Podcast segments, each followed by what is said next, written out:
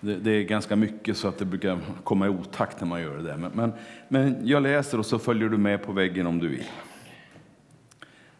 Det är Paulus som skriver så här. Vet ni då inte att alla som har blivit alla vi som har döpts in i Kristus också har blivit döpta in i hans död. Genom dopet har vi alltså dött och blivit begravda med honom för att också vi ska leva. I ett nytt liv, så som Kristus uppväcktes från de döda genom Faderns härlighet. Ty har vi blivit ett med honom genom att dö som han ska vi också bli förenade med honom genom att uppstå som han. Vi vet att vår gamla människa har blivit korsfäst med honom för att den syndiga kroppen ska beröva sin makt så att vi inte längre är slavar under synden. Ty den som är död är frikänd från synden. När vi nu har dött med Kristus är vår tro att vi också ska leva med honom. Vi vet ju att Kristus har uppväckts från de döda och inte mer skall dö. Döden är inte längre herre över honom. När han dog, dog han bort från synden en gång för alla. När han nu lever, lever han för Gud. Så skall också ni se på er själva. I Kristus Jesus är ni döda för synden, men lever för Gud. Det här blir min favorittext framöver, ett bra tag. Jag ska bara predika över den en gång, men den här kommer jag att dyka ner i för egen del nu och då. För den sammanfattar så gott påskens budskap i några få versar. Varför är det så viktigt att tala om korset? Varför är det så viktigt att tala om att han dog? Och varför betyder det så mycket att han uppstod? Det har med dig och mig att göra. Det är viktigt för dig, det är viktigt för mig.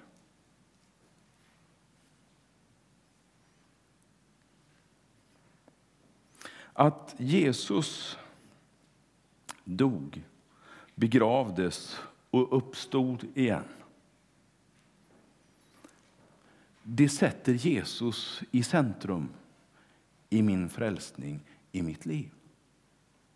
Det sätter dopet. Det finns en dopgrad under där. Du som inte har varit i den här kyrkan förut kanske undrar varför jag pratar om det. Men tar man bort det här så finns det en bassäng som vi kan vattenfylla som vi kallar för dopgrav. Och där har de många av de som sitter runt omkring dig som är här idag har blivit döpta där. Och jag och andra har blivit döpta i andra kyrkor i en annan dopgrav. Några ute i en sjö, några i en älv eller bäck eller ja, ett större vattendrag. Men här börjar livet med Kristus. Och där har jag alltid hamnat vid korset. Jag har alltid varit där, börjar mitt liv med Jesus.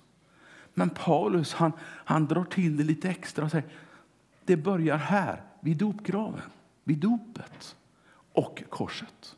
Han sätter ihop det. När vi talar om att bli en kristen, att bli frälst, att vara troende så har vi ibland stora avstånd mellan korset och dopgraven. Men all biblisk undervisning undervisar om att det är ett kort avstånd. Det är nära mellan dopgraven och korset. Och Det verkar som att jag ansluter mig till tron på Jesus på ett djupare allvar i dopet. Jag följer honom i dopet. Jag går ner i dopgraven, i den här bassängen tillsammans med Jesus. Och där blir jag nersänkt i vatten. Jag på att säga dränkt i vatten. Nersänkt helt och hållet i vattnet. Precis som Begravningen sker av hela den döda kroppen. Det finns en speciell enhet, nu ska jag inte rota för mycket i det, men det finns en speciell enhet i Israel som har varit väldigt aktiv under många år. Det är människor som har som enda uppgift att när alla andra sticker därifrån så får de rusa till en bombexplosion där människor har blivit sprängda i bitar och samla ihop allt. För allt ska med i graven. Det är viktigt.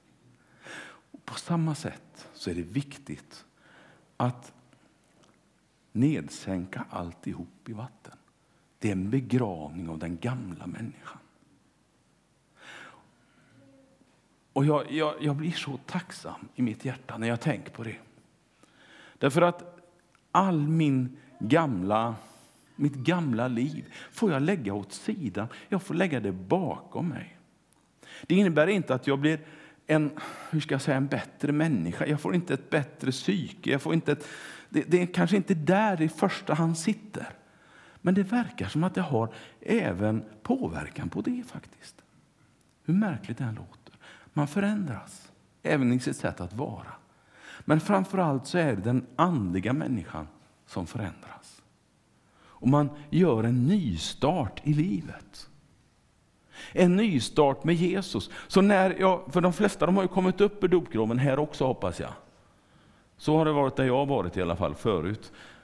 Och så får man lämna dopgraven tillsammans med Jesus. Och då säger Paulus, ja men det är där vi har uppståndelsen. Att uppstå med Jesus, det är dopgraven en bra bild på. Så när du, jag vet inte om du har sett så många, man brukar vända ryggen till när man går upp och ut trappen och, och, och går ner och byter om. Men jag har sett framsidan på många av de människorna och det är ett leende som är så salgolikt. Det är ett leende som är så vackert, en utstrålning. Jesus, nu följer jag dig. Jesus, nu vill jag vara med dig, nu vill jag gå med dig, nu vill jag vandra med dig. Och den vandringen får en sån tydlig start i just dopgraven. En del människor kommer till Jesus upp i tonåren och en del kommer till Jesus ännu högre upp i åren och har ett gammalt liv och får ett nytt liv. En del människor de har vuxit upp i den kristna tron och har inget annat, ingen annan kunskap liksom på något sätt än jag har alltid trott på Jesus. För mig har det alltid varit naturligt. Och har alltså inte en tydlig sån här när jag blev kristen-dag. när jag blev frälst. Dopgraven kan få en enorm betydelse för de människorna. Jag är döpt in i honom, in i Jesus. Jag har uppstått med honom. Det är liksom en föraning om en uppståndelse som ska ske framöver, som vi inte har upplevt ännu. Men Jesus är den första som har gjort det. Han har uppstått för att aldrig mera dö. Det fanns andra som uppstod. Lazarus han uppstod, det har vi berättelser om i Nya Testamentet. Han uppstod, men han dog igen. Så det var inte riktigt på samma sätt. Det Paulus talar om här i vår text, det Jesus är en förebild för, det är ett, ett liv i dig som aldrig kan dö. Som aldrig kommer att försvinna, som aldrig kommer att, att magra, som aldrig kommer att... Som alltid finns där. Som han ger dig. Och det förtydligas i dopgraven. Därför är det viktigt för mig att få tala om att tro på Jesus och att följa honom i dopgraven. Att få bli döpt. Vår tradition i vår kyrka, det är ju den, och det synsättet teologiskt har vi, att man tror och sen blir man döpt. Och det verkar som att vi kommer att ha den teologin ett bra tag framöver. Den är ganska stark inom de olika pingstkyrkorna utöver vårt land. Den finns där och den bottnar i de här, de här bilderna. jag känner en respekt för andra kyrkosamfund. För den stora österländska Eh, ortodoxa kyrkan. För den stora, jättestora katolska kyrkan. Jag gör det. Men jag kan inte gå med på deras dopsyn. Jag kan inte svälja den och säga att det är likadant. För det är inte likadant. Men jag är människa också och inser att ibland måste jag sätta människan framför min starka övertygelse. Så ibland måste jag göra avsteg till och med från det. Och jag har gjort det någon gång i mitt liv. Men min önskan och min bön är att du, vi, alla ska få göra upplevelsen av att följa honom i dopgraven. Med mycket vatten. Vi snålar inte med varmvattnet när vi har dopförrättningar. Vi har mycket vatten. Vi döper hela personen ner i vattnet. Man blir dyblöt. Man blir helt och hållet nedsänkt i vatten. Och så uppstår man med Jesus. Wow! Jag fattar inte den som väljer bort det. Jag fattar inte. Jo, det gör jag. Men ändå inte. Så är det att vara människa. Eller hur? Livet är inte så enkelt alla gånger. Men teologiskt är det enkelt för mig. Men livet är ibland komplicerat.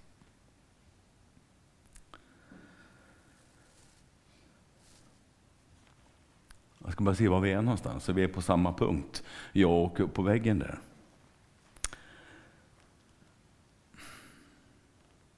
Vatten används ju för så mycket olika delar, eller hur? Vi duschar, vi badar i vatten, även utanför kyrkan. Vi dricker vatten. Jag har nog aldrig i mitt liv druckit så mycket vatten som jag gjorde i höstas. Det var det enda jag fick ner i princip. Vatten är en gemensam nämnare för allt levande. Allt som lever på vår jord har ett förhållande till vatten. Utan vatten så dör, ja, jag kan inte svara för varje mikrob, varje enskild litet kryp som finns, men i princip så dör allt utan vatten. Det är bara plastblommorna som klarar sig utan vatten. Och jag vill inte vara en plastblomma. Jag vill vara en riktig blomma. Som får min kraft ifrån höjden. Som är beroende av vatten. Vatten är också en vacker symbol på den helige Ande. När Jesus döptes, känner du igen berättelsen från Nya Testamentet? Han blev själv döpt i Jordanfloden av, av Johannes, som vi också kallar för Johannes döparen. Samtidigt som han döps så är det som om himlen öppnar sig på något sätt. Och så kommer det en symbol, en fågel, en duva har den blivit ritad som en vit vacker duva. Och Gud själv säger detta är min älskade son. Lyssna på honom, ungefär så. Det verkar som att det binds ihop. Korset, graven, uppståndelsen, dopet och den helige Ande. Med vatten. Det är viktigt med vatten. Det är viktigt med dopet. Och ni vet, ni som har varit med på våra bönesamlingar på söndagskvällarna. Jag är enveten ibland, säger de som synden. Jag lägger en lapp här vid dopgraven och här ber vi, Herre, Låt människor få hitta sanningen om dopet. Låt människor få bli frälsta, få bli troende i vår stad, i vår Tibro. Och låt dem få uppleva glädjen att få gå i dopgraven.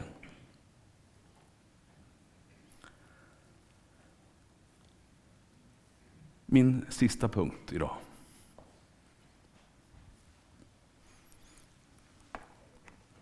Har jag berättat för er var den här bilden är tagen någonstans? Jag tror inte det. Va? Kan ni se den? Det är lite otydligt, det är så ljust. Vår Herre har tänt så starka lampor och det är inte Markus fel, utan det är vår Herre. Den där bilden är från höll på att säga, de djupa skogarna i Indonesien. En resa jag fick göra för många år sedan. Ner till Indonesien, en liten ö utanför den stora indonesiska ön. Och när vi kommer ut där i byn som vi ska besöka så säger de eh, vi ska ha dopförrättning om en stund, eller idag. Och vi skulle önska att du var med, för de fick ju naturligtvis höra att jag var pastor och det, det var jätteviktigt. Och jag tänkte, är inte kloka? Jag kan ju inte indonesiska, jag kan knappt engelska. Det känns så i alla fall. Men jag pratar ju ändå. Men, och den som skulle bli döpt kunde bara byns språk. Så jag tänkte, det är ju kört i vilket fall som helst. Jag sa, ja, sa jag. Jag vill vara med om en dopförrättning. Får jag döpa? Spelar det någon roll om man säger på svenska eller engelska? Så, Nej, det är ingen som fattar något ändå, sa de, så det spelar ingen roll. De vet ungefär vad du säger, för de har hört det sägas på indonesiska. Ja, vad bra, sa jag. Och så tittade jag ut över det blågrön, bruna vattnet som rann där i, i den lilla floden eller stora bäcken. Och så frågade jag, finns det farliga grejer i den där vattensamlingen? Så jag. Mm. Hur farligt? Det vill du inte veta, sa de. Men alla har klarat sig hittills.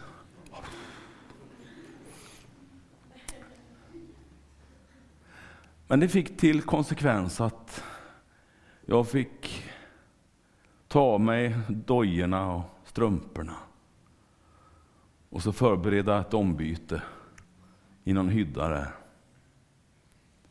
Och så gick jag ner tillsammans med den här unge mannen. Och så gjorde jag precis som vi gör här i Sverige. Jag höll om honom och lyfte min högra hand och sa att på min mästares befallning och på din egen bekännelse om sinnesändring och tro så döper jag dig i Jesu namn. Och så döpte jag honom. Vad häftigt det var. Och han gjorde precis som alla andra jag har döpt. Strålande studsade han upp för slänten där, upp ur vattnet och upp för slänten. Och så mötte han sina nära och kära.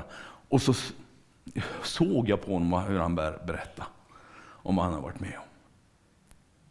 Och jag är förmodligen glömd för länge sedan.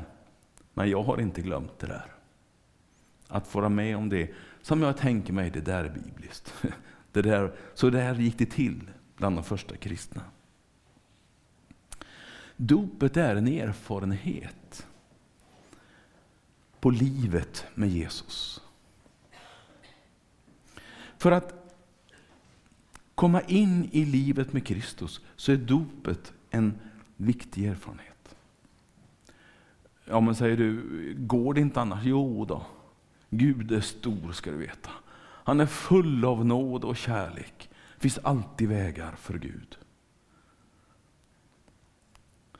Men när jag läser min bibel så jag kommer tillbaka, jag hittar den här sanningen och jag kan inte se någon annan som är lika stark. Och att få gå upp ur en dopgrav tillsammans med någon och veta att nu har Jesus startat ett nytt liv med den här personen. Det går inte att beskriva med någonting annat. Vi som har fått döpa, vi vet vad det här är. Det här är häftigt. Paul skriver i ett annat brev om den innerliga medkänslan. Han skriver om ett antal saker som han menar på har med det nya livet att göra. En innerlig medkänsla, vänlighet, ödmjukhet, mildhet, tålamod. Ja, det går att göra den här uppräkningen ganska lång. Som kommer med det nya livet med Jesus. Det är ingenting som finns i dopvattnet. Det är någonting som finns i ditt inre som Jesus planterar där genom sin heliga Ande. Ja, nu är vi där igen. Det hänger ihop.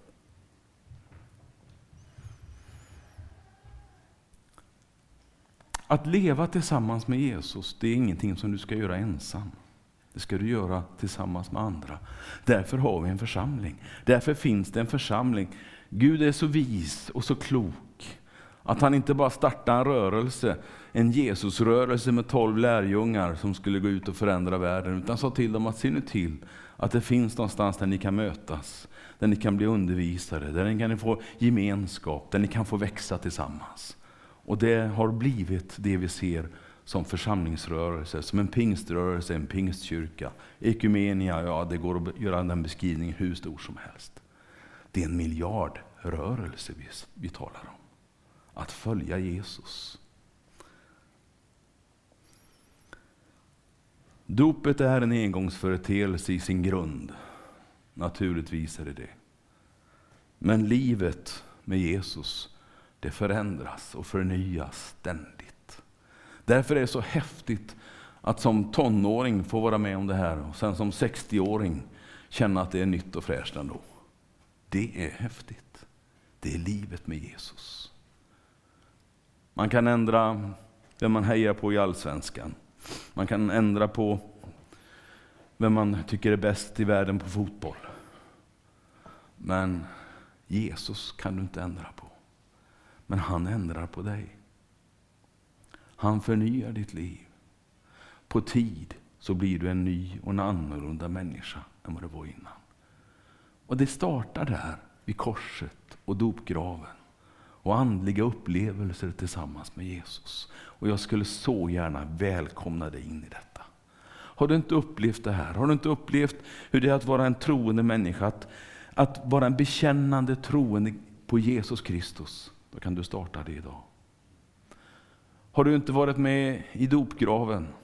Ja, jag är en stående inbjudan. Får vi bara rensa av lite grann här så kan vi döpa nästa helg om det är så. Jag lovar. Och jag lovar dig att vi ska be tillsammans med dig om den heliga Ande i ditt liv.